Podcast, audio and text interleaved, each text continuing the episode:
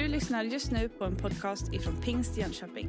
Vi hoppas att denna undervisning kommer att hjälpa dig att växa i din personliga relation med Gud. Mitt namn är Isak Josefsson och eh, jag jobbar här i Pingstkyrkan eh, som ungdomsledare för tillfället. Och eh, jag har fått äran att få prata lite här på podden, få dela lite tankar och dela lite, lite ord från Bibeln och lite reflektioner kring det. Och eh, vi ska börja med just det. Vi ska börja med att slå i, i Bibeln.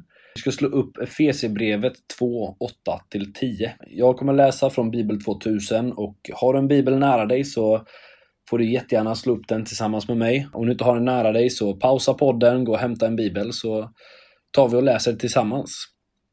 Efesierbrevet 2 och 8 till 10. Det står så här. Ty av nåd är ni frälsta genom tron. Inte av er själva, det beror inte på gärningar, ingen ska kunna berömma sig.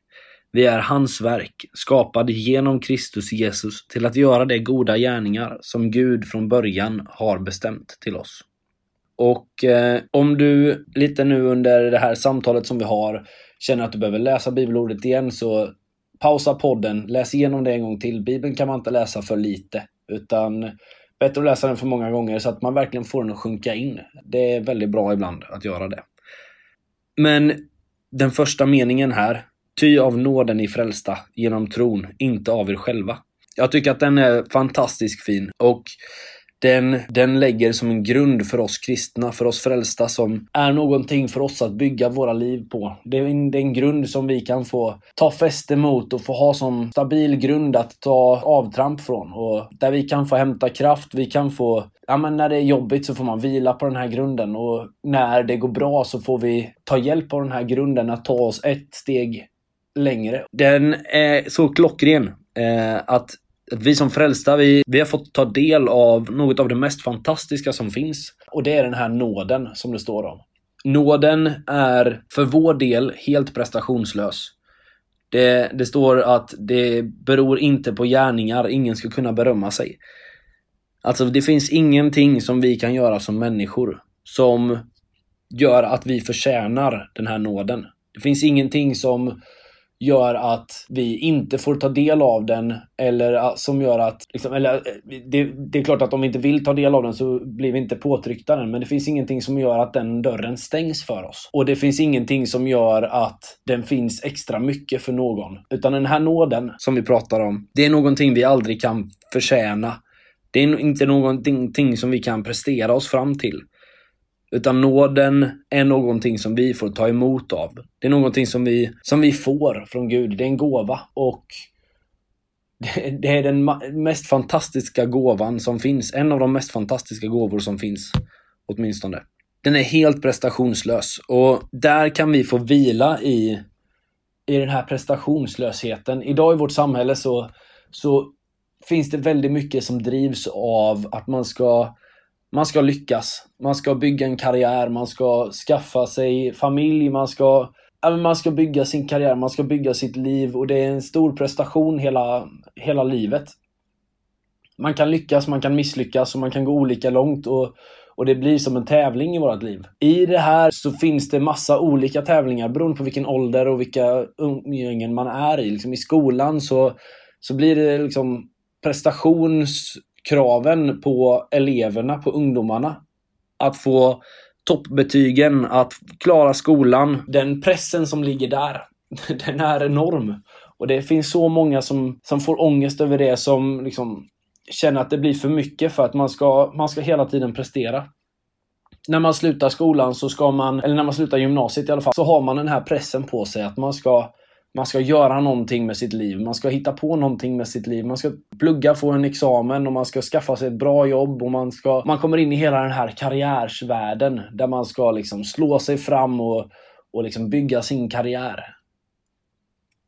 När man sen har gjort det så det finns oändligt med grejer som sätter press på oss utifrån hur vi ska se ut och hur vi ska bete oss. Det finns det här modeidealet som, som svävar runt på inte minst sociala medier. Som sätter en press på hur vi ska se ut som människor, hur vi ska bete oss och hur man ska vara. Det finns så otroligt många moment i vår vardag, i vårt samhälle som ganska lätt sätter hög press på oss. Vi ska vara på ett visst sätt, vi ska se ut på ett visst sätt, vi ska lyckas på ett visst sätt.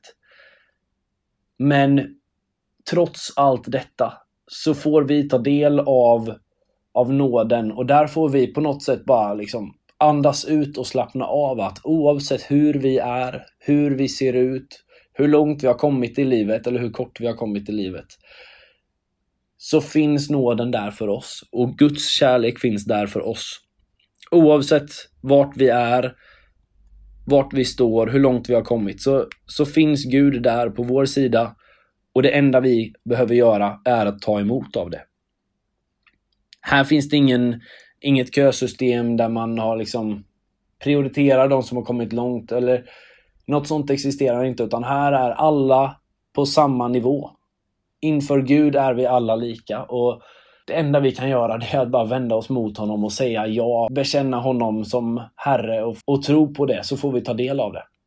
Och här är någonting fantastiskt som, som vi kan få låta påverka oss nåden, när vi tar emot den, så, så handlar inte det om att det är liksom ett lite halvdant plåster som vi lägger över våra synder, våra sår kan man säga. Det är liksom inget halvdant plåster som vi lägger över för att täcka för att det ska se bra ut. Egentligen så ligger såret under plåstret kvar och det, det, är liksom, det är inte så nåden fungerar. Att det är som plåster på våra sår. Utan det, nåden är någonting som vi får inifrån, som, som vi får låta förändra hela våran skapelse inifrån. När vi får ta del av nåden så kan vi låta det påverka oss som människor och hela vårt sätt att se på, se på våran omvärld. Det är inte bara ett plåster på såren utan det är någonting som faktiskt från insidan förändrar. Om vi, får, liksom, om vi tar emot den helt och fullt. Nåden förvandlar från insidan. Om vi låter den påverka oss, alltså nåden, och om vi låter den kärlek som kommer med nåden påverka oss, på riktigt från insidan, om vi på riktigt tar emot den, så, så blir vi liksom, vi kan bli förvandlade skapelser genom Jesus. Och vi kan få ett helt nytt sätt att se på världen. Jesus och Gud, de skiljer inte på oss människor. Gud, han älskar alla människor lika mycket. Oavsett om man bekänner Jesus som Herre eller inte, så är vi lika mycket värda i Guds ögon. Vi är alla hans skapelser. Och oavsett vart vi står så är det bara en sak vi, vi behöver göra för att ta del av allt det här och det är att säga ja till Jesus. Och där kan vi vara olika långt bort eller olika nära kan det kännas som, men det är alltid bara en vändning bort.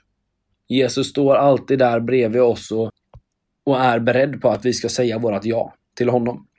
När vi får ta del av Jesus, när vi får säga vårt ja till honom, när vi får ta, ta del av den nåden som kommer med och den kärlek som kommer med Jesus, så får vi låta det påverka vår insida. Vi får låta det förändra vårt sätt att leva och i det så har vi ett uppdrag och det är att göra de goda gärningar som Gud från början har bestämt oss till. Att ta det här budskapet vidare är ett hedersuppdrag som vi har som kristna. Det är inte till för att det ska få stanna innanför våra väggar och vara till välsignelse för oss som församling, utan det är till för att vara till välsignelse för hela vår stad, för hela vårt land. Och om inte vi tar det vidare, vem ska då göra det? Du har just lyssnat på en podcast ifrån Pingst Jönköping. För att få reda på mer om vilka vi är och vad som händer i vår kyrka så kan du gå in på pingstjonkoping.se eller följa oss på sociala medier via pingstjkpg.